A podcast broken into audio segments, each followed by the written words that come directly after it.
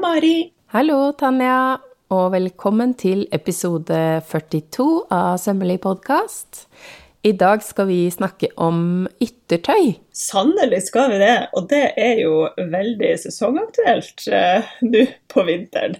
Egentlig, altså, yttertøy kan jo være så mangt. Man kan jo selvfølgelig sy det på sommeren òg, det er ikke det jeg sier. Men det jeg sier, er i hvert fall at det er veldig gøy å sy yttertøy, syns jeg. Og jeg vet, Mari, at du også er veldig glad i å sy yttertøy. Kan ikke du si litt om ditt forhold til eh, dagens tema? Altså, jeg vet ikke om det er fordi jeg er litt sånn frysepinne, eller hva det er, men jeg er jo også veldig glad i ull, da. Så det kan jo ha noe med saken å gjøre. At jeg har sydd ganske mye jakker og kåper og eh, diverse udefinerte type ytterplagg opp igjennom. Skjønner. Jeg skjønner. Jeg må, Sjøl er jeg ikke liksom like hardt på det ytterplaggkjøret eh, til meg sjøl, men altså det blir jo litt jakker til kunder. Det er jo kanskje ofte det folk tar seg råd til å kjøpe sånn skreddersydd. En, en, god jakke, for det kommer til å vare, og man kommer til å ha det lenge. og Det er ikke et sånt såpass eh, bruksplagg. Liksom sånn selskapskjole og jakke, jeg føler det er det som er kanskje det mest aktuelle at folk vil bruke litt penger på, på å få sydd ordentlig til seg. Mm. Ja.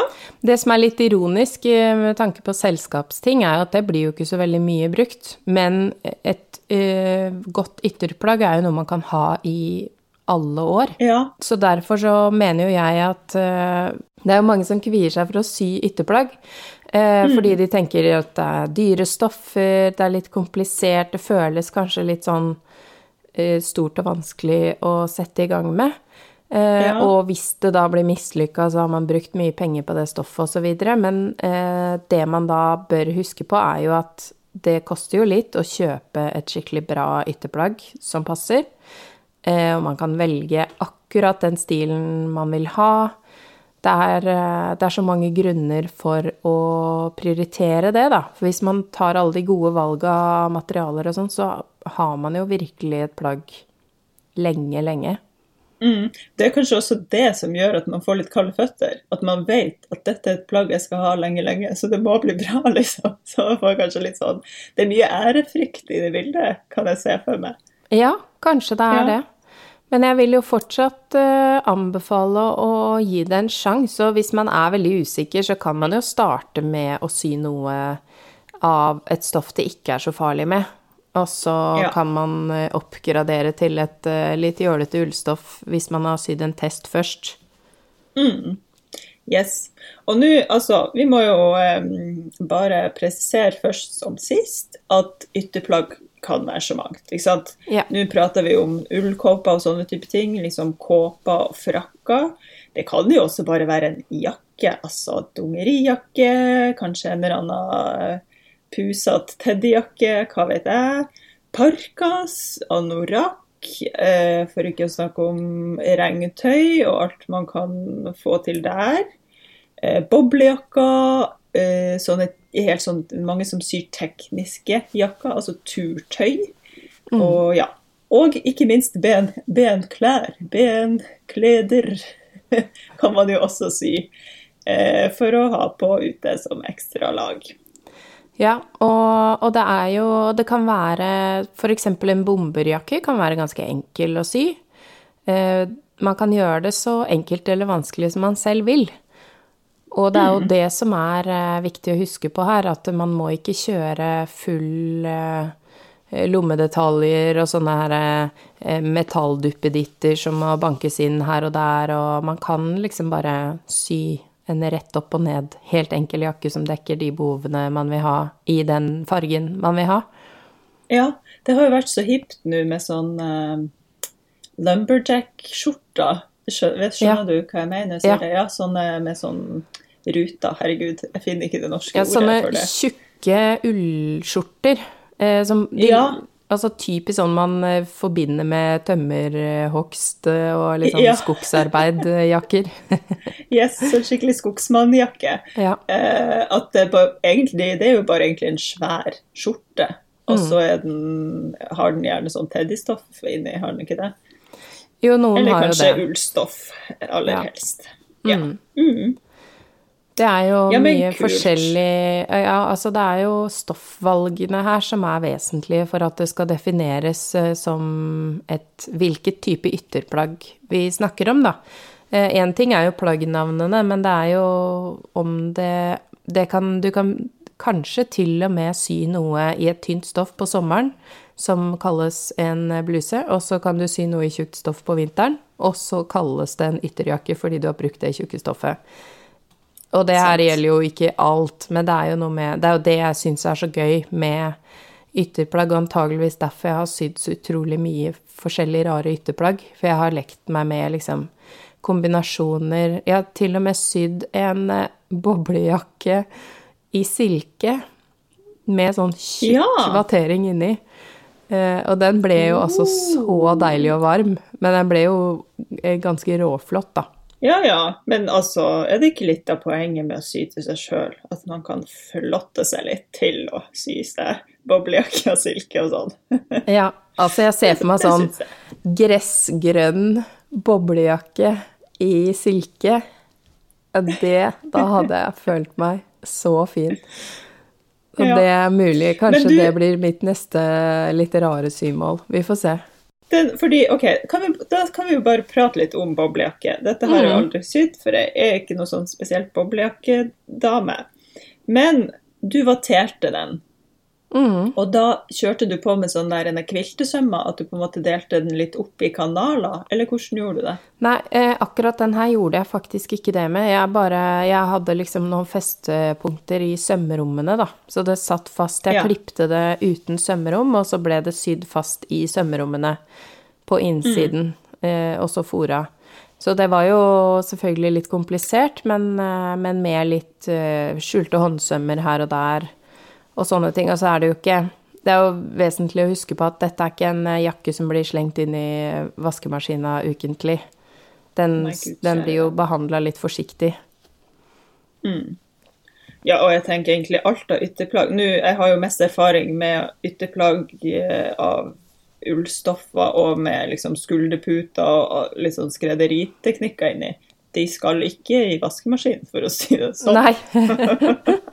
For å si det rett ut. ja. Ja, ja men kult, fordi eh, det der med boblejakke er min eh, eneste Eller det er ikke en erfaring, men eh, jeg husker jo da de sydde det i siste sesong av Symesterskapet. Den, fikk, den episoden fikk jeg med meg. Og eh, da måtte de jo gjenbruke sånne sove... Så du den? Husker du det? ja. Ja. De måtte sy av soveposer. Så da tenkte jeg ja, dette kan man jo gjøre ganske enkelt. Mm. Eh, helt frem til hvem var det? Var det Maria som klippte opp den der soveposen med dun? Og jeg tenkte bare sånn åh nei, vet du hva. Nei, nei, nei, nei. nei. Så det Ja, da tenker jeg jo Og da begynte jeg selvfølgelig å tenke sånn åh, hvordan hadde jeg gjort det? Jeg hadde nok sydd, hvis jeg måtte bruke en dun-sovepose, da, hadde nok sydd liksom omrisset av alle mønsterdelene før jeg klipte de. Liksom sikksakka rundt eh, mønsterdelen, hvis du skjønner. ja, ja. Sånn at man holdt dunet inni der. Men det hadde jo blitt dunbonanza uansett, for det sniker seg jo ut uansett. Ja, det kan jeg bekrefte, for jeg har sydd eh, vognpose av eh, dundyne. Eh, Ja. Jeg har egentlig sydd ganske mye av dundyner fordi at eh, som vegetarianer og som har vokst opp med fjærkre, så Ja. ble jeg ganske prega av hele den prosessen med mm, slakting og sånn. Så det var bare Ja, jeg har hatt et veldig anstrengt forhold til uh, dundyner, men jeg liker jo heller ikke syntetiske fiber noe særlig, ikke sant? Så da Eh, da har eh, gamle dundyner som har liksom gjort jobben sin som dyne, vært løsningen for å ha dun i livet mitt. Ja, ikke sant. Makse ut eh, det offeret den kyllingen måtte gjennom. og. Ja, ja. Ja. Og det er ikke sånn, nå skal ikke jeg gi noen dårlig samvittighet som eh, ikke har noe problem med dun eller noe sånt, for jeg mener jo fortsatt også at det er bedre med naturmaterialer enn syntet sånn i det lange løp. Eh, men den prosessen har jo vært problematisk opp igjennom. Ja, Ja. det er heldigvis kommet mange gode alternativer, eh, men det skal vi ikke snakke om nå. Nei. Um, men det, det jeg kan bekrefte, at det er lurt å sy sånn først, og så bør man ha støvsuger rett ved siden av seg. som man bare er setter på liksom med en gang eh, det, når man har klippet en, en rad, eller hva man skal kalle det. Klippet en klipp, liksom. Så har man den. Støvsuger man per side man klipper. For det tyter jo ut uansett. Og så mm, Jeg kjenner det klør i nesa bare av å se dette for seg. Men Ja, ja. Ja det, var, det var litt sånn intenst. Eh, men eh, det var jo en eh, suksess, så Og så har jeg sett at eh, Men det må jeg også bare skyte inn, at hvis du har en dunsovepose Dunsoveposer er ganske dyre saker. Eh, det er veldig stor forskjell på å klippe opp en sånn annen sovepose som du har betalt 50 kroner for, enn Altså, duden sovepose er noe jeg faktisk egentlig ønsker meg lite grann, for jeg får helt hetta av soveposer. Men jeg har Ja. ikke det fordi det er så dyrt. ja. Eh, Så jeg ville jo aldri ha klippet opp en dunsovepose.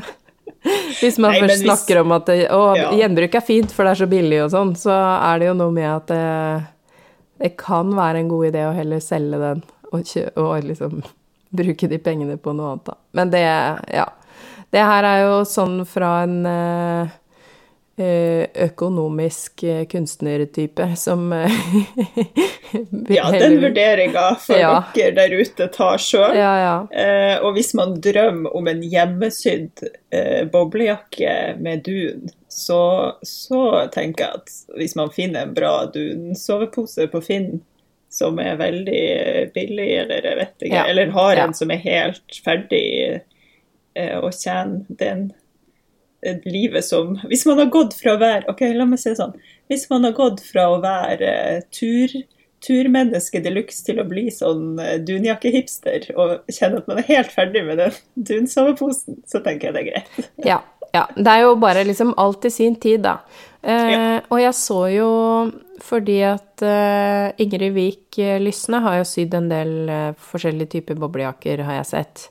Ja. Og eh, akkurat den ene boblejakka som hun sydde, eh, som jeg vet ikke hvor funksjonell den er, men jeg syns den var så fin, den eh, eh, som var laget av en brodert duk Ja, En ikke sant? dukboblejakke. Og da innbiller jeg meg at hun kanskje brukte en gammel boblejakke som allerede var liksom Alt var kapsla inne. Og så at ting bare ble liksom sydd. Eh, Så bare pimpa den, på- en måte. Ja. Eh, Jeg vet at hun også har brukt dyner, men eh, så hva, hva som var hva, det er jeg ikke 100 sikker på. Men det er jo også en idé, for det er jo utrolig mange litt sånn ufreshe boblejakker der ute på bruktbutikker og sånn, som man helt sikkert også kan bruke som utgangspunkt. Ja, ikke sant? Så- Og gjør de litt kulere, og gjør det til noe man faktisk ikke finner i en butikk, da. Ja. Eh, Jeg hadde jo eh, Nå er dette litt på siden av søm, men, eh, men absolutt relevant i boblejakkesamtalen.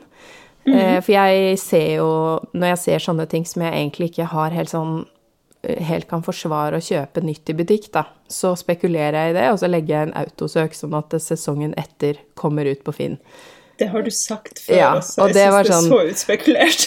Ja, men, jeg, men det er sånn Ja, ja, det er Det er jo bare å benytte seg av den muligheten, for Ja, det er jo alltid folk som Altså får man det jo Ikke nødvendigvis så mye billigere alltid, men, eh, men det er i hvert fall man slipper å at det blir kjøpt to ganger, da.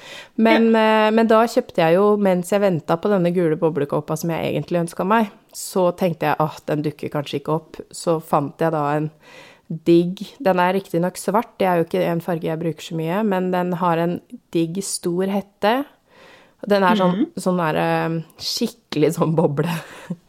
Den er litt for stor også, sånn at jeg kan liksom krype inn i den. Og da har jeg kjøpt sånn refleksspray. Har du vært borti det? Hæ? Nei. Som man da eh, Jeg har ikke testa det ennå, men det står liksom på planen. At man kan spraye på den, så syns det ikke når det er lyst. Og så når det er mørkt, så lyser da det du har spraya, det motivet, liksom. Å, kjære vene. Ja. Dette gleder jeg meg til å få oppdatering på. ja. Så det er jo liksom ja. noe i eh, som jeg tenker at når man driver med ytterplagg, så kan det være vesentlig å huske på det med at man kan enten legge inn refleks når man syr fra bunnen. Da kan man jo legge inn refleksbånd i sømmene som en sånn piping, sånn tittekant.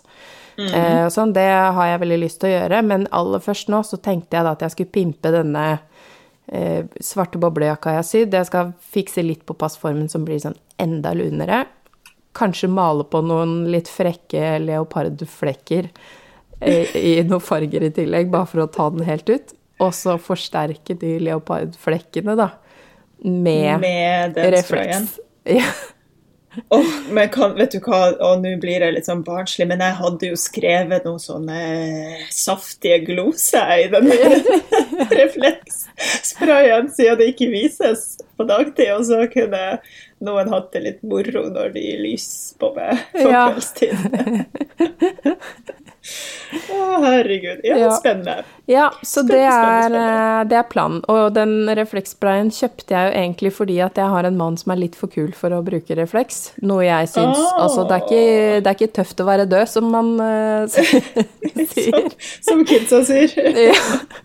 Så jeg blir jo ganske rasende på det, så jeg kjøpte den sprayen for at jeg i smug bare skal spraye ned klærne hans med Da kan du skrive saftige gloser ja. når du sprayer Henrik sine klær. Det er bra. Men, eh, men en liten ting apropos dette med miljøet. Jeg vet ikke hvordan dette er miljømessig. Nei, den sprayen, ja. Og jeg vet ikke hvordan det er i forhold til vask og, og sånne ting, liksom. Jeg føler ikke ja. at det er sånn 100% bærekraftig med den Jeg føler det er noe i sånn refleksspray, men dette skal jeg ja. undersøke. Ja. Um, men jeg syns det er et godt alternativ for å liksom løfte Altså for å fortsette å bruke ting som ikke er helt optimalt. Sånn mm. som det er, da. Ja. Men du, apropos eh, refleks. Altså, det har jo vært veldig sånn hipt. Det er kanskje et par år siden. Husker du det var sånn Alle hadde sånne krøsstasker, som jeg kaller de. Sånne ja. rumpetasker som bare var full refleks Altså, de var sydd i refleksstoff. Mm. Og også boblejakka. Altså, hele boblejakka var bare en, en svær refleks. Det husker ja. jeg godt. Det går jo an å få kjøpt refleksstoff. Det er ganske dyrt, men det ja. fins. Ja, det er dyrt. Og jeg, da er vel jeg litt sånn gamlemor igjen når jeg tenker sånn Ja, jeg så på noen sånne refleksvotter i går, og så har jeg vel kanskje konkludert med at den sprayen kanskje er fordi det der samme stoffet er jo det samme materialet stoffet, er vel sikkert ja. både i stoffet og i sprayen, vil ja, jeg tro. Ja, Men det fins så mange kule også Vi skal jo snakke litt mer om sånn tekniske plagg etter hvert. Mm. Men det fins jo også ganske mange kule sånn der type sånn softshell hvor du hvor, Når det får lys på seg, så plutselig så er det et sånt kult mønster i refleks. Å oh, ja. Ja, ja, ja. Det har jeg også sett. Ja. Mm. Det mener jeg kanskje at Ida Victoria har i butikken sin. Ellers, I butikken sin. Ja, ellers har hun i hvert fall sydd noe av det. Sånn at det, ja. Da ble jeg veldig intrigued. Det var det som fikk meg til å kjøpe den sprayen, da, fordi jeg måtte jo selvfølgelig lage mitt eget motiv. Ja. Eh, jeg, bare, jeg klarer jo ikke å la være. Yes. det men mm. kult. Mm. Ja, så det er jo noe å tenke på. Ja. Så skal vi sakte gli videre her mm. i ytterplaggets verden, fordi ja. eh, jeg tror jo at vi begge to er enige at ytterplagg trenger ikke være så veldig komplisert. Helt klart. Og jeg har eh, nettopp, eller jeg har hatt et sånt lengre kurs gående som er liksom ytterjakke-kåpekurs. Har vært kjempehyggelig. Eh, og har hatt eh, fire flotte sydamer sammen med meg som har sydd veldig forskjellige ting. Og faktisk denne uka her skulle vi liksom avslutte jakkene eller prøve så godt vi kan kunne, for det er en del igjen på noen av de. Eh, og så måtte jeg jo avlyse det kurset pga. restriksjonene, de nye restriksjonene som er kommet. Så nå har liksom utsatt siste, den siste kurskvelden har vi utsatt på ubestemt tid. Ja. Og jeg kjenner bare sånn Å nei, de kåpene og jakkene var liksom så klar for å få de i mål så godt som mulig, da. Åh, det var kjipt. Og det er jo liksom nå det er eh, jakke-kåpesesong, egentlig. Um, ja. Men da vil jeg men bare det jeg har sagt inn. er jo at de skal få prøve Altså, de må bare prøve å se hvor langt de kommer hjemme. Og så Ja. får vi heller liksom troubleshoote underveis og, Ja. og ta den siste problemløsningsdagen eh, så fort vi kan. Men poenget mitt er i hvert fall at det er, det er jo mulig å finne ut av alt dette her på egen Ja. hånd. Og med god veiledning på kurs klarer man i hvert fall å få veldig pene resultat. Men jeg tror folk må liksom senke skuldrene sine litt. Ja, det er et plagg du forhåpentligvis skal bruke langt og lenge og mye, men det er jo bare å prøve seg. Ja. Altså. Og et hot tips er jo når man sitter og skal ferdigstille, å studere de plaggene man har tilgjengelig i huset. Det er det jeg lærer mest av, er bare å se på hvordan andre har gjort ting. Og Ja. spesielt siden eh, vi begge er jo veldig glad i gamle ting og gamle teknikker. Og sånne Og det er jo en ting jeg også har brukt så mye av. Sånne gamle kåper har jeg jo eh, ja, jeg syns det er veldig gøy med hytteplagg, så jeg har veldig mye av det. Eh, og da er det jo så morsomt å se hvordan de har løst ting inni de eh, gamle plaggene. Og da var det jo mer eh, ofte liksom Det var jo laget for å være veldig holdbart. Eh, og man har tenkt på sånne små finurligheter som ikke fins i kjøpeplagg i dag. Ja, absolutt. Sean har en sånn eh, eh, frakk etter bestefaren sin, som var politimann i Irland.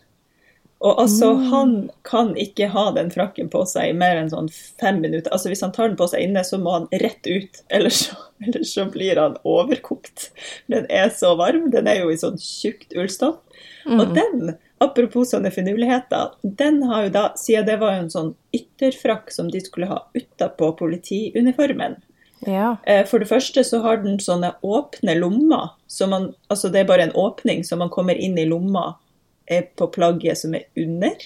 Det er smart. Så, Det er smart. Og så har den også på inner, eh, inn gjennom lommeåpningen der, så har den en sånn egen liten futteral, eller hva jeg skal si, til den der det, høres, det er jo helt fælt, men de der politistokkene, vet du, som de ja, sånn batong, kan- er det det det heter? Batong, ja. Så den har en sånn batongfutteral på utsida. Kan brukes til andre lange ting. Altså, paraplyen kan du gå inn i der, hva som helst, you name it. Ja, men det ser jo litt spesielt ut, sånn slags rar blotterfrakk med litt sånn diverse Ja, men i serien veldig holdbar, da, for den Ja. hold, er jo fortsatt supervarm og høyst, høyst i bruk når det blir veldig, veldig kaldt ute. Og det er jo, uh, syns jeg, drømmesituasjonen å ha varme nok ytterplagg. Det er jo derfor jeg har kjøpt disse bobleplaggene. Jeg har gått hele livet uten å eie noe sånn boblegreier. Ja. Og etter at jeg Fordi jeg har innimellom lånt mannen min sin boblejakke når jeg skulle ned og hente posten og sånn, og så bare Oi, hjelp, dette er jo en annen verden. Tenk at jeg ikke har visst at man kunne være så varm. Så, Ja. så det var jo Men da går jo det an med andre ting enn boble også.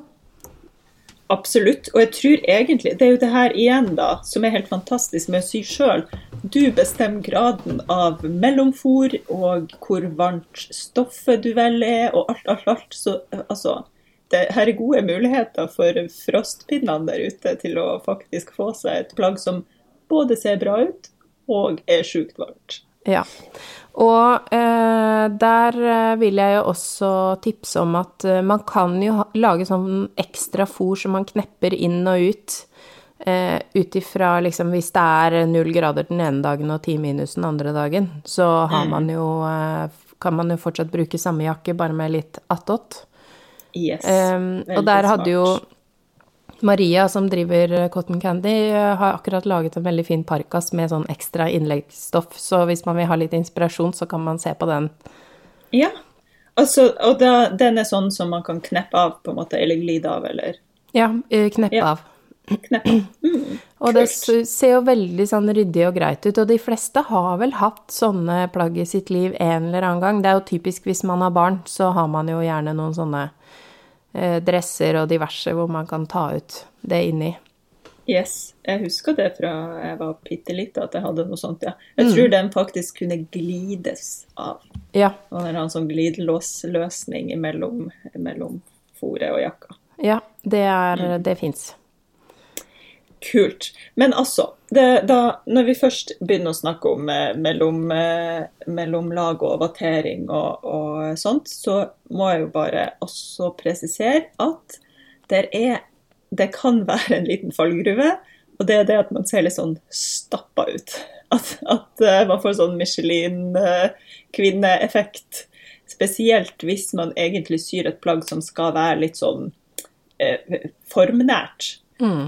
Men også har lyst på vatering, eller også har lyst til at det skal være veldig varmt inni og kjøre på med sånn mellomlag, kan fort bli sånn at det ser ut som man har en ullgenser for mye inni den jakka. Ja.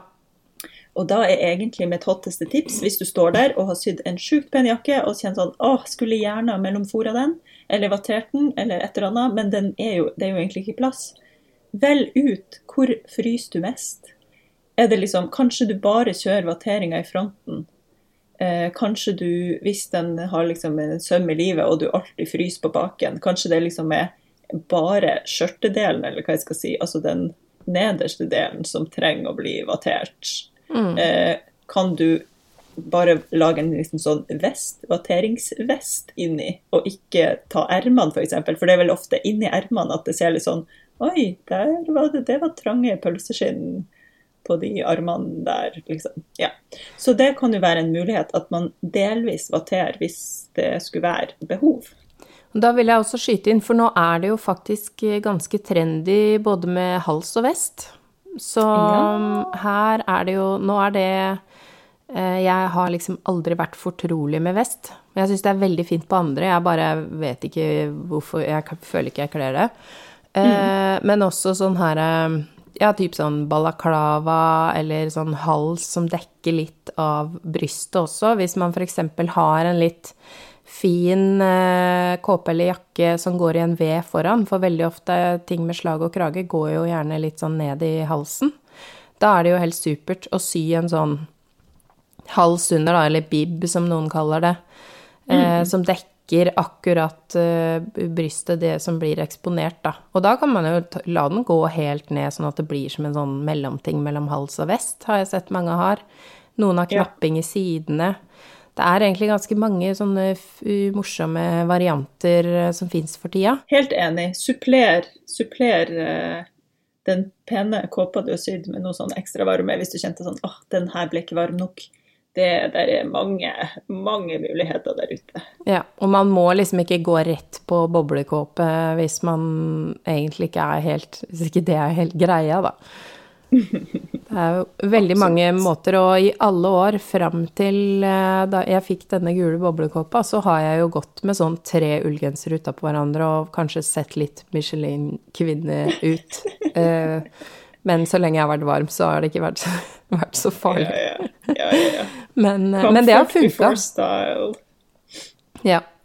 Yes. Jeg har også egentlig da Nå har jeg jo egentlig prokla, proklamert, er det det det heter? At jeg ikke er en sånn bobledame. Men jeg har jo i en periode i livet hatt en sånn tynn boblejakke. Som jeg har mm. brukt sånn som sesongskiftejakka.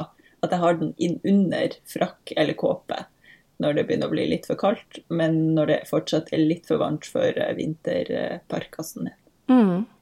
Ja, det har jeg sett at folk gjør. Jeg liker ikke så godt lyden av sånne jakker, så jeg, jeg bruker ikke det. Jeg er så, så utrolig kresen på stoffer, men, eh, men, det ser veldig digg ut. Jeg skjønner hvorfor folk går med det. Det er superdigg. Altså sånn, eller det er veldig lettvint, da. Du trenger ikke å ha så mange jakker i skapet. Du kan bare ha de få du har, pluss den, og that's it, liksom. For da Men det er jo akkurat det samme med det oftagbare fôret som vi allerede har snakka om. Samme effekt. Ja, ja.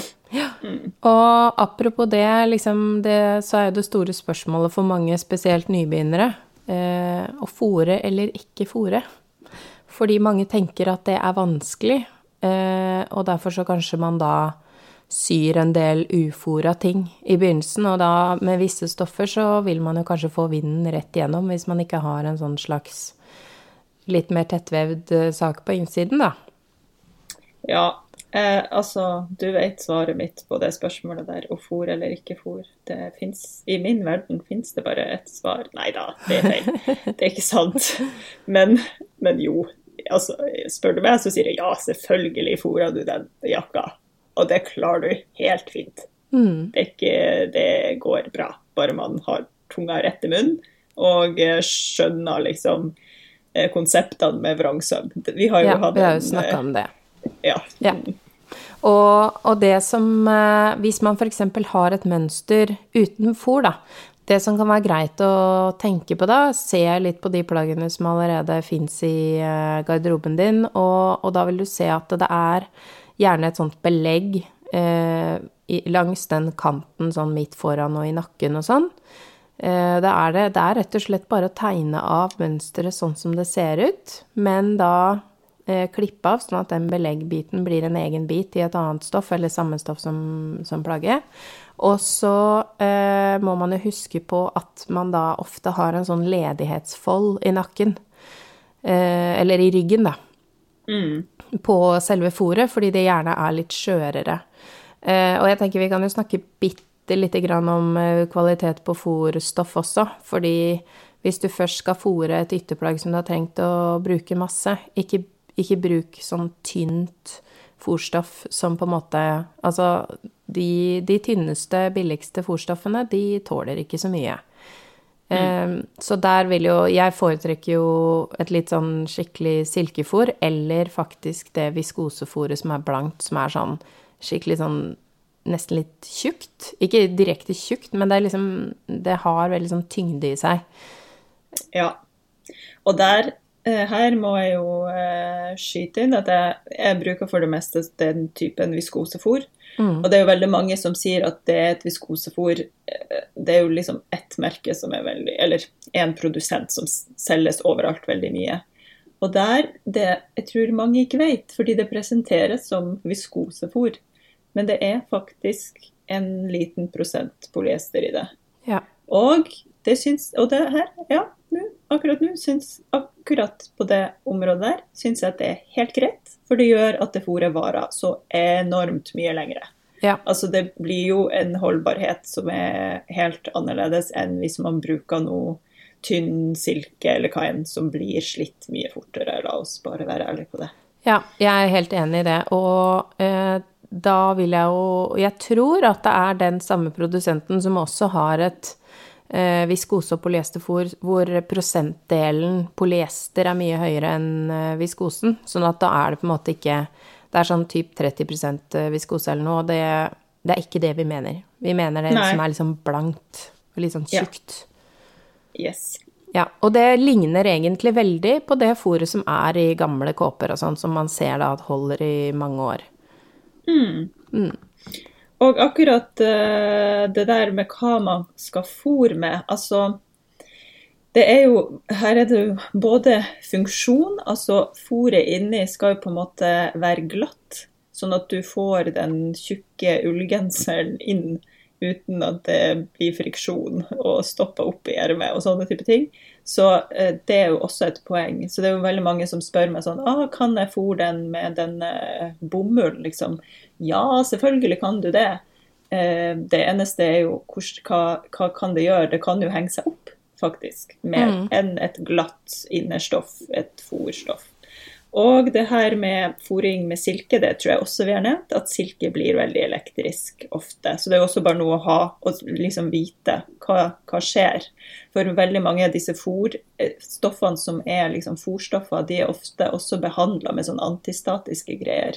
Mm. Som sikkert ikke er det mest miljøvennlige, men har en funksjon. Ja. Og um, da er det jo litt eh, Det er kanskje litt komisk, men jeg er jo ikke så veldig glad i å ha sånne glatte stoffer inn mot kroppen. kroppen. -hmm. så jeg kan jo i mange tilfeller velge eh, å heller fòre med ull fordi jeg syns det er deilig, og så gjør det meg ikke noe at det er litt vanskelig å få ermene på. Um, så det er jo en smakssak. Uh, og noen har kanskje bomull uh, over uh, bakstykket og forstykket liksom rundt kroppen, og så har man kanskje noe litt glattere inni akkurat ermene. Ja, det er jo også veldig vanlig på sånne fancy skreddersydde frakker og, og sjaketter og sånne type ting. Mm. At de er fora med et eh, litt sånn fastere stoff, og så er det glatt inni ermene. Ja. ja, for jeg kjenner jeg får så frysninger hvis jeg har en uh, ullgenser under som kanskje går litt ned i nakken, da, så det blir en sånn liten hudflik, og så kommer det kalde fòrstoffet på. Liker det ikke. Ikke sant? Ta bevisste valg, dere. Jeg tror det er poenget her. Alle, sånn, alle sånne ting som man liksom Hvis man vet at man eh, Ja, jeg hører dere sier det her om glatte stoffer, men, eh, men jeg Not liker ikke ikke så godt mot huden. Det er også helt greit med et erme som er litt seigt å få på, så lenge du er, har gjort et bevisst valg. Ja. Så, men nå, og siden jeg elsker jo vennbare jakker, sånn at jeg har to i én, eh, og da er det jo naturlig at det er ull på begge sider, ja, siden jeg elsker ull, men, eh, men man kan jo ha noe glatt på den ene siden også, men jeg er veldig vant til det at det lugger litt. ja. Ja. Amen. For du har jo til og med et mønster på en sånn vennbar jakke, har du ikke det? Ja. Ingvild-kåpa, er det ikke Ja, den? jeg har Ja. Ingvild-kåpa, og så har jeg i eh, den eh, boka mi Sy til barna, så har jeg en vennbar cape også. Ja, gøy. Mm. Artig, artig, artig. All right. Skal vi si Vi har jo egentlig sagt en del om stoffvalg eh, allerede, men skal vi si eh, noe mer konkret om det? Stoffvalg til Ja. ytterplagg. Ja, for det er jo eh, Altså, man kan jo bruke alt fra et ullpledd eller sovepose har vi jo nevnt. Altså, man kan jo bruke hva som helst. Men en ting som jeg får veldig mye spørsmål om i forbindelse med mønstrene mine, selvfølgelig, da, men, men også generelt Hva er tykk ull, og hva er tynn ull, når man beskriver det på den måten? Eh, fordi det er jo alltid sin bruk. Og for eksempel da, hvis du skal sy den Ingvild-kåpa som jeg har mønster på, da snakker vi jo en del meter stoff, og så er det jo da to lag. Så Ja. da bør man jo ikke velge en Den bør ikke være veldig tjukk, for den, da bygger den jo mye. Eh, men et tynt stoff kan jo fortsatt være tungt, selv om Ja. det er uh, tynt.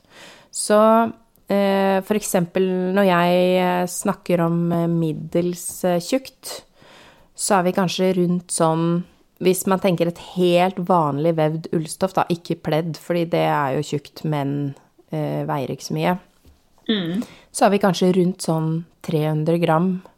Så når man ser på de her For i noen nettbutikker så står det jo liksom 300 gram, og så står det gjerne per og eh, Det er så mange forskjellige eh, benevnelser som er brukt, så det kan være litt forvirrende. Eh, noen Ja. sier mom. Eh, og det det betyr, da, det er jo at når man har tatt en eh, Er det en meter, en bit på én gang én meter, og veid den, så veier den det tallet. Ja, ikke sant? Og da er det jo eh, sånn at det, kan være litt forvirrende akkurat det med vekt og sånn, men, men som regel, da, hvis det, hvis det gjelder helt vanlig vevd ull, eh, så er sånn tynn i retning eh, middels, da tenker jeg sånn rundt eh, fra 180 gram til kanskje sånn 300. Det er liksom sånn litt sånn middels i min gate. Og den kan jo være veldig tynn hvis den er 180 gram. Eh, Men det kommer jo helt an på Da må man jo også se litt på sånn, hva slags karakter ser stoffet ut til å ha. Ser det veldig tettvevd ut, eller er det derfor det er tungt? Eller er det mm, Ja, er det, hvis det er på en måte gjennomsiktig, så er det kanskje ikke egna. Selv om det står at til denne buksa så det Så skal vi ha Bør du ha et stoff med ca. denne vekten? Da må man jo se litt an hva slags type stoff det er, fordi noen materialer er jo tunge i seg selv. Ja. Enig. Ja, så, så ser han eh, Når det står vekt, så er liksom fra 300 og oppover kan jo bli ganske tungt på en hel kåpe. Eh, hvis du, I hvert fall hvis du skal ha sånn tolags og masse vidde i skjørtet og sånn. Men, men det er også veldig sånn fin, fin sånn stødig. Eh, kan være veldig stødig og fint i kåpe, eksempel, da. Eh, Ja. Men når vi snakker om kokt ull, eksempel, eh, eller ullfilt For ullfilt kan jo være veldig tung og tett, men den Yes. typen som kalles kokt ull, som ofte er litt elastisk, altså, så er det kanskje litt bouclé inne i bildet, altså sånn at den ser litt mer sånn eh, Hva skal man si? Krøllet ut. Den har litt tekstur. Ja. Ja. Mm. Det har liksom litt sånn eh, Man får litt mer sånn sauefølelsen. Eh, Den kan jo være veldig lett, selv om den er tjukk. ja. Nettopp. Så det er litt Så det handler jo om tettheten på, på stoffet, på en måte. Hvor Mm. tjukk, eller hvor tungt det er. Ja. Så der må man, ja, jeg er helt enig med deg. Man må liksom eh, tenke litt og kjenne litt. Og, og det man må huske på, er jo selvfølgelig at jo mer sånn fluffy og tjukt, om enn ikke så tungt, jo mer bygg det jo. Mm. Så hvis du liksom skal ha slag og krage og belegg, og alt skal ligge inni Altså det kan bli voldsomme sømrom eh, inni et plagg. Da må man begynne å tenke liksom OK, da må jeg faktisk sy slaget og kragen sånn at det er kløyvpressa. Jeg kan liksom ikke sy overkragen inn i jakka med slaget, for da blir det jo liksom tjukt på tjukt på tjukt med sømrom i nakken, f.eks. Altså, ja, det er hensyn som må tas. Så man må, må man tenke litt. ja. Ikke, ikke skru av hjernen.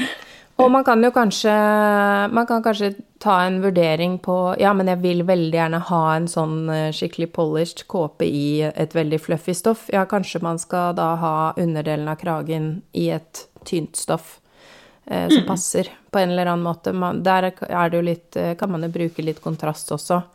Um, Yes. Og kanskje ha belegg i et stoff som er fint hvis det titter fram, men ikke er like tjukt som hovedstoffet. Ja, mange, mange eh, måter man kan tilpasse det på hvis man har forelska seg i noe stoff, altså. Så, ja. Men bare vær, ja, ja, nok en gang, vær bevisst. Og en lit, et Og der- lite Ja, unnskyld.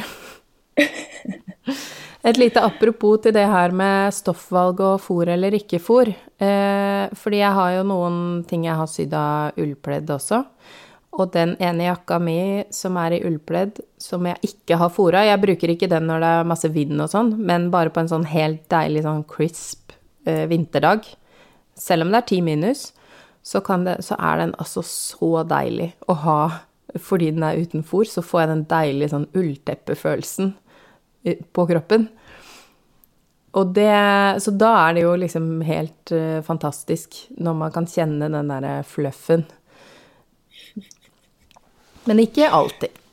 Ja, ja, jeg er sånn som får litt uh, av ull mot kropp, så der er vi litt forskjellige. Ja, det, er, det der er fascinerende. Men jeg syns ikke det klør, og det er jo nok vesentlig.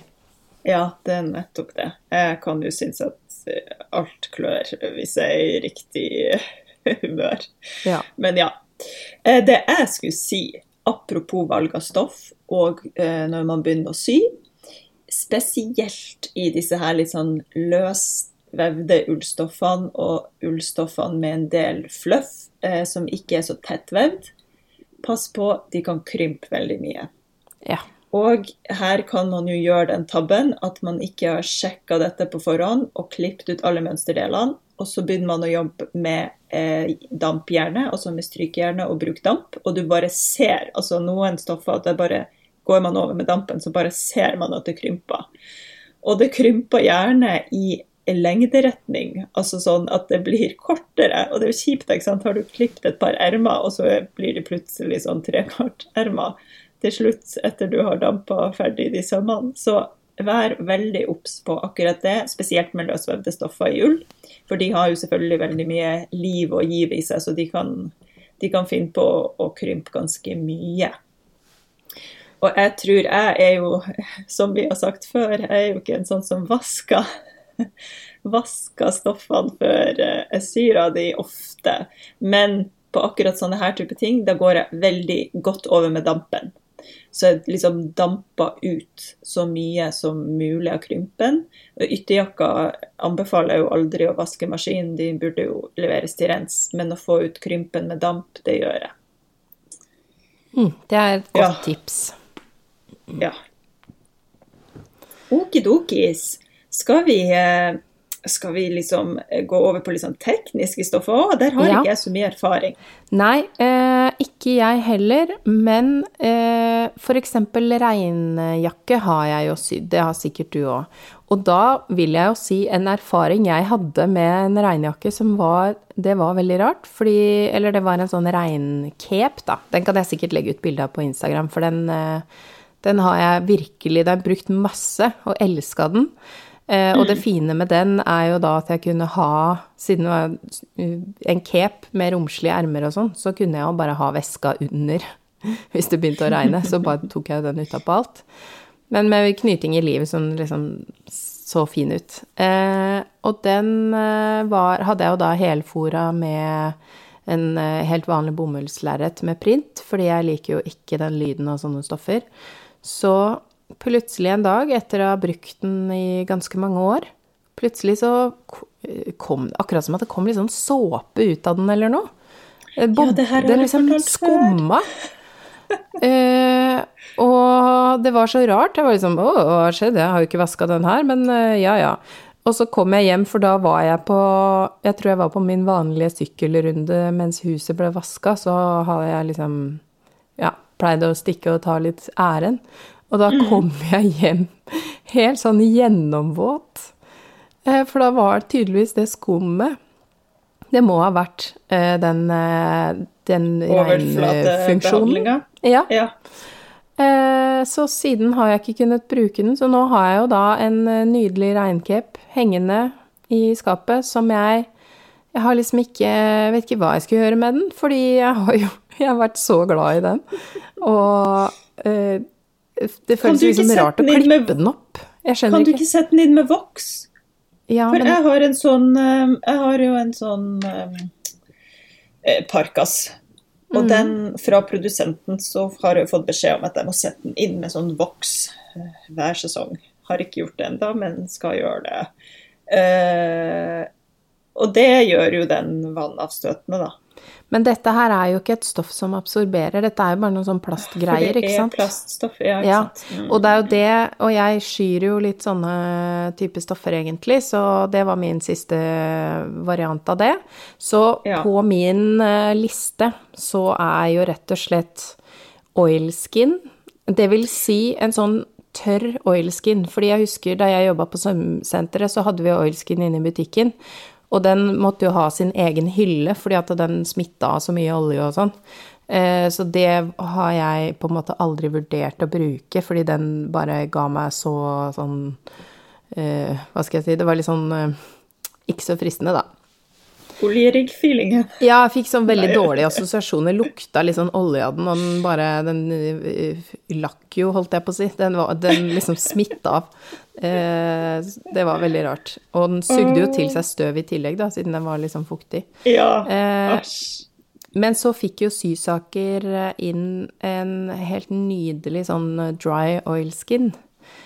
Så jeg har jo lenge tenkt at jeg har egentlig har lyst til å lage et uh, mønster som er sånn type sånn helt basic jakke som man kan bruke til både regnjakke, uh, anorakk, alt mulig sånn. For dry oilskin, det holder, eh, hold fukt ute? Ja, for det gjøre. skal være vannavvisende. Så det er liksom okay. Min neste plan er å teste ut det. Ja. Eh, og så er det jo en god del ting Denne her har gått og kverna i hodet mitt nå i noen måneder allerede. Eh, og da tenker jeg sånn Og da må man sikkert ha at skulderskjemmen ikke er midt oppå, men kanskje sånn, et sånt bærestykke typ øverst på skulderen for å liksom ikke få så mye regn rett ned i sømmen. For det vil jo mm. lekke litt i sømmene, og så er det jo litt sånn Skal man teipe sømmene på oilskin? Vil det feste seg når det faktisk ikke er sant. Ja. Er mange, her er det mange spørsmål jeg har, som jeg skal jobbe litt med. Men så vet jeg jo også at det er jo for eksempel overflatebehandla ull, som også er vannavvisende. Ikke vanntett, men vannavvisende. Eh, mm. Sånn type møbelstoffer og sånn er jo gjerne satt inn med Det fins jo ull med teflon, selv om det høres jo veldig unaturlig ut. Jeg vet ikke om jeg ville vaska det, men eh, ja. Det fins jo ganske mye sånne tekststoffer som, som både du og jeg er ganske uerfarne med. Ja, absolutt. Og der må jeg jo si at jeg vet ikke om dette her blir veldig generaliserende, men uh, jeg føler i hvert fall at jeg har fått inntrykk av på Instagram at det er jo mer gutta boys som er opptatt av de der tekststoffene, og som syr mye tur, både turtøy og turutstyr. Og der eh, dagens eh, innspo, det må jeg bare skyte inn, ja. to herremenn som jeg følger på Instagram, og som stadig legger ut sånne abnorme ja, jakka som de har sydd i Gore-Tex og whatnot, det er da um, Dette sier jeg sikkert helt feil, men jeg tror det gjør nytten for at folk skal finne det. Mm. Den ene kontoen heter Svets Syr. Og da er det altså Svets med W. Vi kan også legge det ut på Ja, dette må vi jo tagge. Ja. Ja. Og den andre kontoen er litt enklere. Symaskinene. Det er da Morten som var med på sist symesterskap, mener jeg. Var det mm. sist? Ja. ja. En av de tidlige, i hvert fall. Ja, så eh, de to eh, herre, herrene der, de syr veldig mye i sånne typer stoffer, og kan sikkert være en god innspokilde hvis folk, noen der ute er interessert i sånn type søm. Ja, jeg syns det er så gøy å se hva de syr. Det er altså, jeg blir helt sånn her, hæ? Altså, det ser jo ut som sånn, ja, norrønajakke du kan få på ekstremsport.no, eller jeg vet, Ja. jeg vet ikke om det er noe som heter ekstremsport.no. Ja, ja. ja det er, og, og de har jo også innimellom vært flinke til å komme med litt sånn tips til hvor man kjøper ting og sånn på denne eh, Facebook-siden Vi Sygale. Der har jeg sett innimellom når folk spør om sånn Hvor får jeg tak i vanntett glidelås og sånn? Eh, så er det Da har de, eh, de har, De har ordentlig de sysakene der. ja. ja, og jeg vet det at det er flere som, som kan dette her, og som er gode på det, Ja. men det er jo de, de vi vet om, da, som vi kommer på i, Ja. sånn i farta. Um, Yes. Og da vil jeg jo tro at de har jo sikkert masse erfaring med teiping av sømmer og uh, alle mulige Mm. sånne sånne tekniske ting. Vi bør sikkert få til et intervju etter hvert, tenker jeg. Her har vi mye Ja, å det skal vi få til. Ja, ja, ja. Jeg har jo litt erfaring med teiping av sommer sjøl. Helt ubrukelig erfaring. Kommer ikke til nytte for noen der ute, tipper jeg. Jeg kan jo bare fortelle at jeg syns det er noe herk.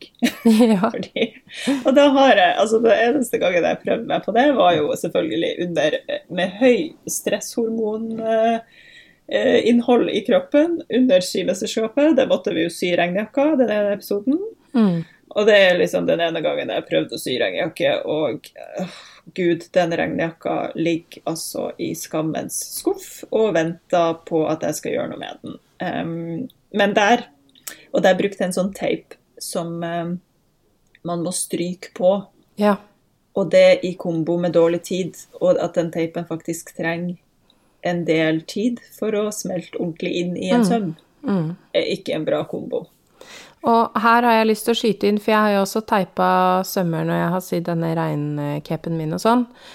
Og her er det veldig viktig at den teipen, den må dekke Man bør kanskje klippe ned sømmerommet bitte litt, eller i hvert fall så må den dekke eh, rettsiden av regnstoffet hvis man bruker et sånt klassisk sånn helsyntetisk regnstoff. Fordi det strykejern mot regnstoff, det er kritisk. Eh, Ja. men, eh, men når man Teipen tåler det akkurat nok, liksom, til at den smelter inn. Man har vel kanskje et papir imellom eller noe. Det husker jeg faktisk ikke. Men, men i hvert fall, det er liksom vesentlig at man er forsiktig her med å kanskje teste ut litt og sånn. Ja, fordi det, ja, det regnstoffet jeg brukte, var jo det der som er beregna på sånn type teip. Det er nesten litt sånn pusete på innsida, på en måte. Å ja, ja. Skjønner. Ja.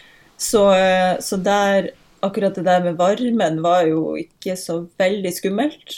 Eh, Men vi hadde jo ikke på full fres på de jernene, det mener jeg å huske. Så det tok Ja. altså det tok tid. Det er det, Ja. Man må ha litt tålmodighet Ja. i, eh, i sjela når man driver med det her.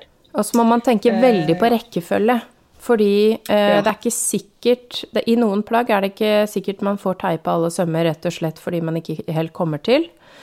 Eh, og da er det veldig viktig å huske prioriteringsrekkefølge i forhold til hvilke sømmer man skal komme til når, eh, og hvordan skal man sy den for å best mulig få teipa den sømmen og ja. Mm, og teip underveis, og da skal man jo være ganske sikker på at passformen er smekk. For det er Ja. ikke noe sånn Hvis du først får, te får teipa sømmene ordentlig, så skal jo ikke den teipen av. Nei. For å si det sånn. Det, det er uh, noe Det er mye å tenke på. Ja. Ja. Altså når vi først er inne på regnstoff, så må jeg jo bare si at min eh, brittbukse, som eh, folk kanskje har hørt om, denne selebuksa med knyting, den er blitt sydd i regnstoff som turbukse. Og da ble jeg så glad, for det har jeg jo tenkt sjøl om jeg kanskje skulle testa en gang, men jeg har ikke kommet så langt. Men det er da eh, Hun heter Sirkeline73 på Instagram. eh, med C.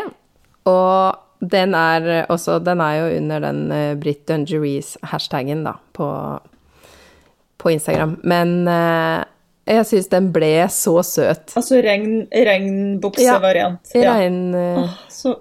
Og vet du hva, det må jeg bare si. Sirkeline73 kom jeg i forkjøpet fordi jeg har jo, jeg har jo Britt-buksemønsteret som jeg har fått hos deg.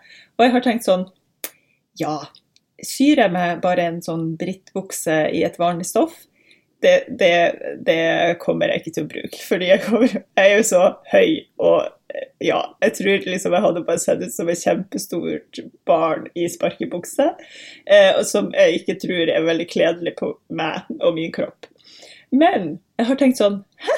Hvis jeg liksom skal ut med, til påskefjellet og sånn. Vi har vanligvis med familien så pleier vi å dra i påska på sånn hytte ikke sant? og bare være der og sitte ute for det meste hele tida. Da tenkte jeg sånn Yes, jeg kan sy meg en britt i ull. Så med kanskje litt sånn teknisk rumpe og tekniske knær. Mm. Som jeg kan ha på meg når vi sitter ute til hele dagen lang og griller pølser. Liksom. Jeg spiser ikke pølse, det blir feil. Uansett. Du spiser vel en eller annen form for pølse, bare ikke fra gris? Kanskje? Nja, jeg syns ikke de er så digg, de der soyapølsene. Det er en helt annen sak. Ja, det... Men jeg har tenkt at jeg skal sy meg en sånn utevariant av Britt. Ja. I, ja, helt siden jeg fikk det mønsteret hos deg, som jo nå begynner å bli kanskje sånn to år siden. Ja. Og ja, alle vet, kjenner jo den uh, tralten der. Det har ikke kommet så langt. Men så bra at noen har gjort det. Ja, og jeg må jo si at nå fikk jeg sånn litt sånn bunadsbuksevibber. Uh, for jeg, nå så jeg for meg den i sånn tradisjonelt ullstoff med sånn skinnlapp i rumpa. ja! ja. Det hadde vært hadde veldig gøy. Hadde ikke det vært snasent? Ja, jeg gleder en meg dag. til å se den en dag. En dag. Når, man, yes. uh, når ting blir eh, litt mer normalt, og man kanskje begynner å få et litt sånn annet forhold til påske igjen. Ja. Uff. Ja. Yes. OK. Men Altså um, Ja, hva tenkte du vi skal si noe mer om her i denne episoden? Tenker jo at når vi først er på stryking, så bør vi jo uh, snakke litt om uh, hvordan man kan stryke for å få et liksom, mest mulig polished resultat på kåpa. Men så mm. vil jeg jo absolutt ikke at vi skal glemme å snakke om din håndsydde kåpe. Så der var det jo ikke sånn stryp, stryketeiping av, av noe som helst, eller? Nei, det var ikke noe limstoff noe sted inne i det bildet der. Nei, den, eh, der, eh, den har jeg jo nevnt før, at der brukte jeg sånn canvas, sånn skreddercanvas. Og da hele saken har jeg altså dobla med den canvasen for hånd. Så jeg har liksom pikert den eh, hele veien. Ja, det var et stykke arbeid. Det var veldig gøy, da, men det tok ja. sin tid. Jeg føler at det er en sånn fin overgang inn i skredderverden. Ja, for det er jo egentlig det jeg kanskje syns er det gøyeste med ytterplagg. For jeg er ikke liksom på sånn tech-stoffer og boblejakke boblejakker og sånn, men jeg er mer på det der at åh, når jeg kan få sydd en jakke, så får jeg virkelig kosa meg med liksom tosømsermer og, og sett de inn pent og kjører på med ermefisk og skulderputer og liksom kan pikere slaget og kragen hvis jeg vil. Og ja, det er liksom der jeg begynner å meske meg i kos, i kos og sømnerderier. Ja. Eh, så jeg tenker jo også at man trenger selvfølgelig ikke å dra det helt dit, men en sånn en frakk eller en jakke med eh, slag og krage eller krag, eller sla... Nei, hvordan Jeg pleier alltid å si det der feil. Jeg pleier å si kra... Krag og slage? Ja, altså krag og slage. Ja, du sa riktig. Jeg sa riktig, ja. ja. Okay, bra. Yes, Så hvis man velger et mønster som uh, har de elementene bare, da er man jo allerede litt sånn og dypper tærne i skredderverden. Ja. For der er jo mye teknikk inne i bildet når man begynner å sy det. Ja. Mm. Jeg har jo et mønster med en litt sånn jukseversjon av slag og krage. Ja. Eh, og det som er gøy med den, er at den ser faktisk overraskende polished ut til å være så kjapp å sy. Um, så det, det syns jo jeg er veldig morsomt, når man kan ta snarveier hvis man faktisk ikke har mulighet til å kjøre full, uh, full skredderopplevelse. Så er det jo mm. noe med å bare ha noen sånne Ja, hente ut de teknikkene man, uh, man har mulighet til å like, da. Så bare ja. det å åpne en bok om skreddersøm og bare la seg inspirere og liksom drømme seg litt bort i alle de morsomme teknikkene, syns jo vi absolutt at det er et hot tips. Det er vel enda en sånn innspo, kanskje? Ja, Man absolutt. Man kan kjøpe eller låne seg noen bøker. Kanskje sette noen på ønskelista. Yes. Der kan jeg jo um anbefale nok en gang Claire Sheffer, eller hva hun. Ja, det var, det var hun Claudia Scheifer som vi har snakka om tidligere. Scheifer, som vi har prata tidligere. Jeg har en av hennes, eller jeg har flere av hennes bøker. Men den ene er jo da 'Tailoring Techniques', og der er det mye snacks for sånn type skreddersydde blazere og jakker. Og blant annet, der kan jeg jo faktisk skyte inn en apropos eh, erm, isetting av ermer og å jobbe med tjukkere stoffer som eh, kan bygge litt i sømrommet. Hun hadde sånn genial, eh, et genialt triks som jeg har brukt. Og det er når man setter inn ermet, at man ikke syr over sømrommet i skuldersømmen på bolen. Så man syr på en måte ermet eh, fra underarmsømmen, eller ja, fra underarmen oppover til man kommer til skuldersøm, og der syr man seg inn under sømrommet i stedet, frem til liksom skuldersøm, festa, og så gjør man det samme. Det må, det ja, inn liksom fra begge sider, det er jo megapresist. Ja. Ja, man, det er presisjonssøm på høyt nivå. Mm. Men hvis man klarer å få til det, for det er ofte hvis man kjører over det tjukke sømrommet, så blir det både en slags sånn bulk og det blir et lite sånn drag, fordi det blir så mye som fyller inni der mm. eh, når, man, når, man, syr over sømrommet. Så hvis man gjør det sånn, så blir det sånn sykt smooth overgang. Åh. Ja, det er spennende. Den uh, metoden har jeg faktisk ikke hørt om, så det her syns jeg var veldig gøy. Jeg har jo også denne boka, så ja. da har jeg jo uh, åpenbart ikke tatt meg god nok tid til å lese i den. det er veldig mye jeg også ikke har lest inni der ennå, men akkurat det der, det tenkte jeg sånn Hæ? Og det har jeg faktisk også prøvd, og det er sykt digg, må jeg innrømme. Gøy. Anbefales. Ja, men det skal jeg prøve. Men man må ja, det må være veldig presist, og man må for guds skyld passe på at man fester godt de sømmene, ikke sant? for det, ja, det er jo ikke en hel gjennomgående søm. Mm. Og når vi mm. først er på skulder, så tenker jeg at vi kan jo kanskje snakke litt om eh, stryking eller damping av sømrom i skulder. Eh, for det syns jeg ofte kan eh, liksom Det er litt sånn make it or break it i forhold til passformen på plagget. For det er jo mm. Skuldrene er noe av det jeg legger mest merke til, i hvert fall. Å oh, ja. Um, oh, oh, ja. Og da kan man jo bruke sømmerommet litt til hjelp for å få en god holdning over skulderen. Uh, jeg syns i hvert fall det blir veldig pent når man, hvis man skal ha et, uh, altså en skulder som sitter på skulderen, da, så syns jeg det er veldig pent å stryke sømmerommene inn i ermet, for da får ermet det lille puffet. Den eh, bare understreker holdningen bitte lite grann. Mm. Det er jo eh, Jeg pleier aldri å Eller nei, aldri si aldri, men jeg pleier for det meste ikke å stryke sømrommet i, etter jeg har sydd i ermet. Eh, for der enten så setter jeg jo inn en ermefisk mm.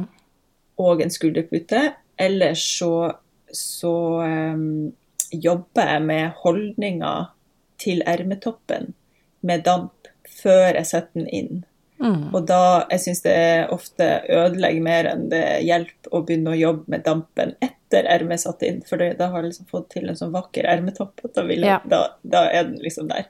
Men det er absolutt et godt poeng dette med at sømrommet altså det skal ut i ermet, altså. For det er jo da, mm. for det første, i forhold til hvordan man tar på seg et plagg, så stikker man jo armen inn, og da vil man ikke at fingrene skal tuppe inn i sømrommet inni skuldra der.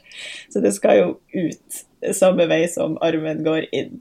Eh, og så er det absolutt Å, det ble jeg så engasjert at jeg nesten snakka i munnen på meg selv. Men akkurat det der som du sier med holdninga Og hvis man ikke bruker ermefisk, så er det i hvert fall viktig at det sømrommet går ut for å ja, formgi ermetoppen. Å, ja. det blir så pent. Jeg blir helt øh, av å snakke om det. ja, jeg ja. syns det er sånn Det er helt vesentlig, akkurat det. Enig. Um, og, og, når vi da er på skulderen, når man da har en sånn uh, senka skulder, eller dropped shoulder, som det er veldig mye av nå, yes. akkurat der mener jo jeg at man bør splitte sømrommet, eller kløyvpresse, som mange sier det. Mm. Um, fordi man vil jo ikke ha den holdningen nede oh, yes. på armen. Å, oh, herregud. Vet du hva, det er, det er noe av det eh, som kanskje er det tristeste jeg ser. det er Én ting er jo hvis man virkelig har klart å sette inn et isatt erme pent.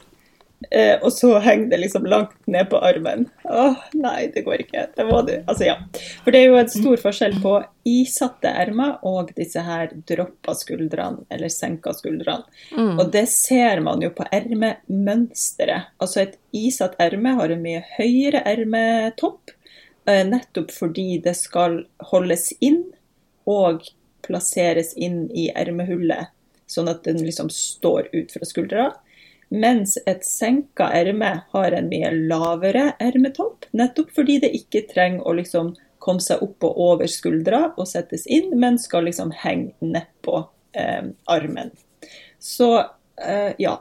Så jeg tror at, Og det, her tror jeg den største feilen Eller det, jeg tror kanskje det kan være at folk har lyst på en litt sånn oversized, kul frakk som er litt inn, og så kjøper de et mønster på en frakk som egentlig er en frakk med isatte ermer. Og så syr de den opp i en litt større størrelse, for da tenkte jeg at det må vel være det samme. Nei, det er ikke det samme. Uh, ja. De ermene blir ikke bra. Det er en, eh, det er en designdetalj, akkurat det der, eh, hvordan det er yes. ment. Um, men da eh, Fordi jeg har eh, kåper med begge varianter, jeg, og jeg syns eh, begge deler er veldig fint. Men her vil jo også mhm. stoffvalg Skal man ha noe med et sånt senka erme, da, så er det lurt at ikke det stoffet er for stivt. For i stivere stoffer så vil man få uønska holdning i den. Ja. Eller det kan skje, da. Det at det skje. ikke vil slappe av på samme måten i den uh, buen på et senka erme, og at man får på en måte en holdning der uten at man har ment det. Og der, Hvis man har et sånt senka erme Her kan du også skyte inn at den der håndsydde eh, jakka mi eller frakken eller kåpa, eller hva man skal kalle det, den har senka skuldra. Den har sånn droppa skuldra og sånn kokongfasong. Mm. Mm. Um, så det ene er jo ikke riktig eller feil, holdt jeg på å si. Eh, man må bare være bevisst hva er det man har valgt, og hva er det man vil ha, og hvordan skal det se ut. Og i et sånt senka erme så kan man jo faktisk bruke dampen ganske godt, for der går jeg over den sømmen og flater den ut, sånn at den altså skal legge seg pent ja. i det området. Det er faktisk ganske viktig, mener jeg, akkurat eh, der. Um, yes. Og som et lite apropos, fordi du uh, jeg vet jo, og det er jo også grunnen til at ermene er ferdigdampa når de settes inn, fordi du setter vel alltid inn ermet etter å ha sydd ermehull? Eh. Hvis det er et isatt erme, ja. Mm. Hvis det er en droppa lav skulder, så kan jeg gjøre det flatt. Så jeg kaller det flatt på en måte før jeg syr under armsømmen. Ja. Men hvis jeg faktisk skal sette inn ermet med holdning og hele pakka sånt, så ja, da, da må det settes inn, ja. Mm. Ja. Det er eh, Det var det jeg trodde. Jeg ja. kan, hvis jeg vet Men nå syr jo ikke jeg til kunder i noe særlig grad, så hvis jeg vet at ermet funker, så monterer jeg det faktisk flatt. Uh, ja. Selv om det er et isatt erme. Ikke sant. Men, da, jo... men, drar du inn holdning med holdningstråd, da? Eller Jeg gjør det manuelt. Jeg manuelt. det liksom foran meg på en sånn måte at skulderen og, og, og ermebuen ser ut som Eh, det er noe inni der. Ja.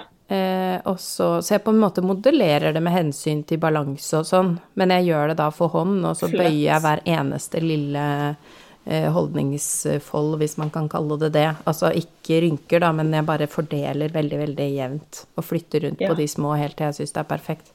Så det er jo en type isetting av ermet, bare at jeg eh, ikke har sydd den sammen ennå. Ja. Mm. Mm. Fordi det, eh, det, jeg gjør, er jo at jeg syr i holdningstrådet. Altså jeg syr holdningstrådet inn, og så syr jeg ermet sammen.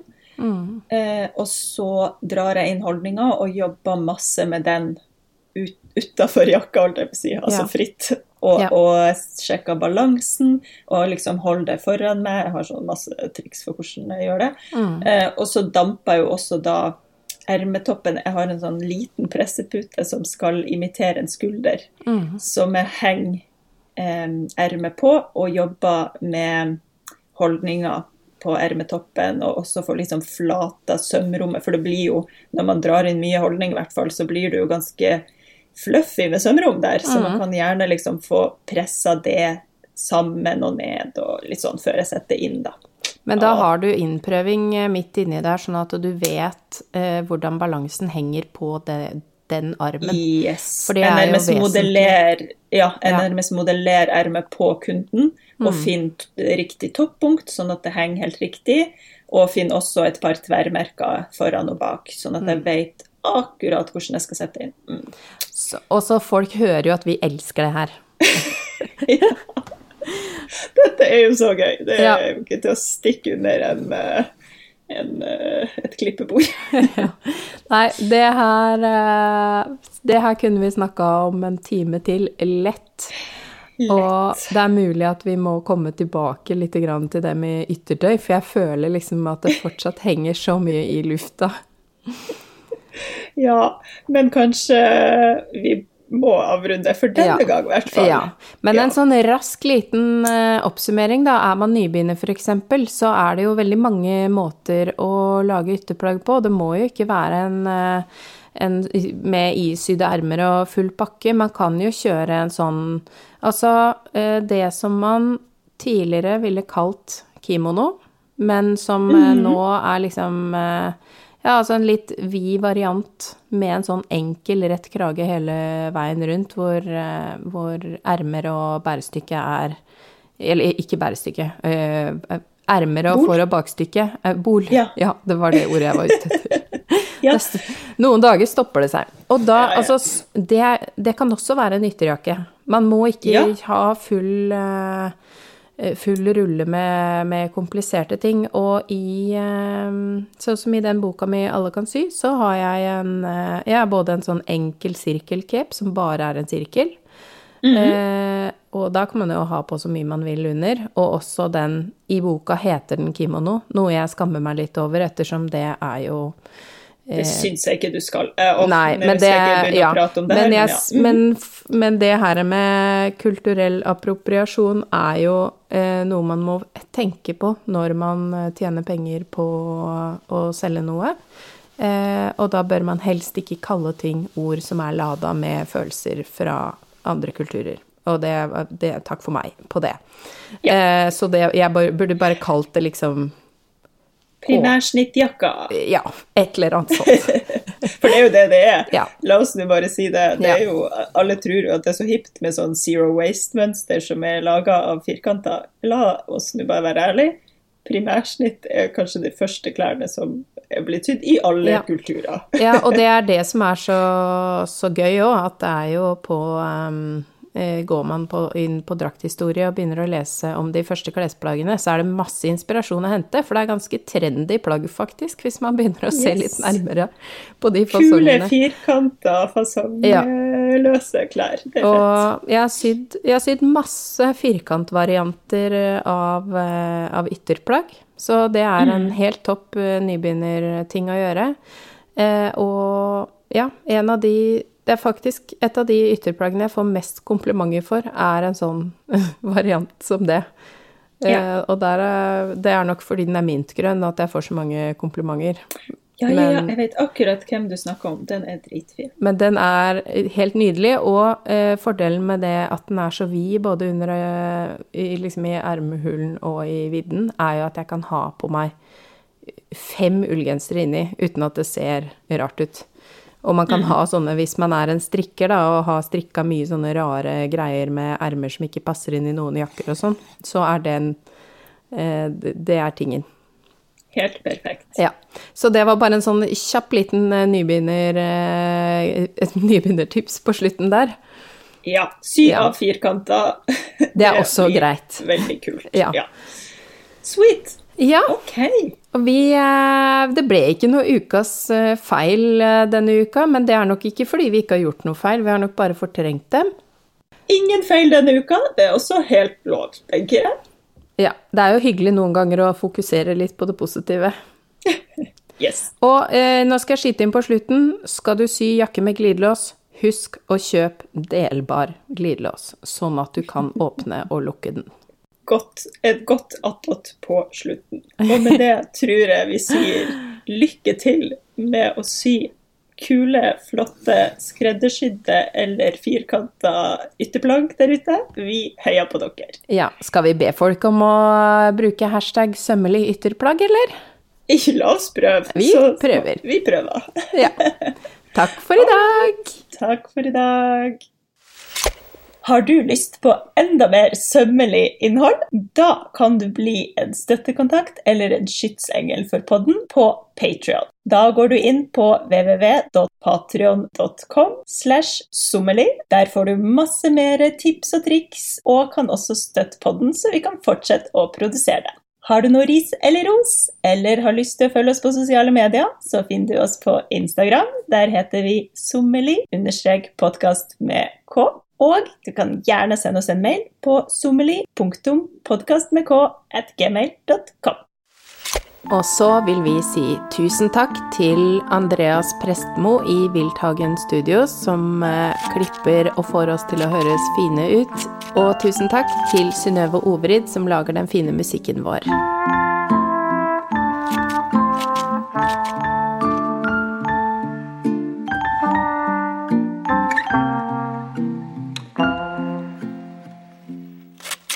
www.patreon.com slash sommeli.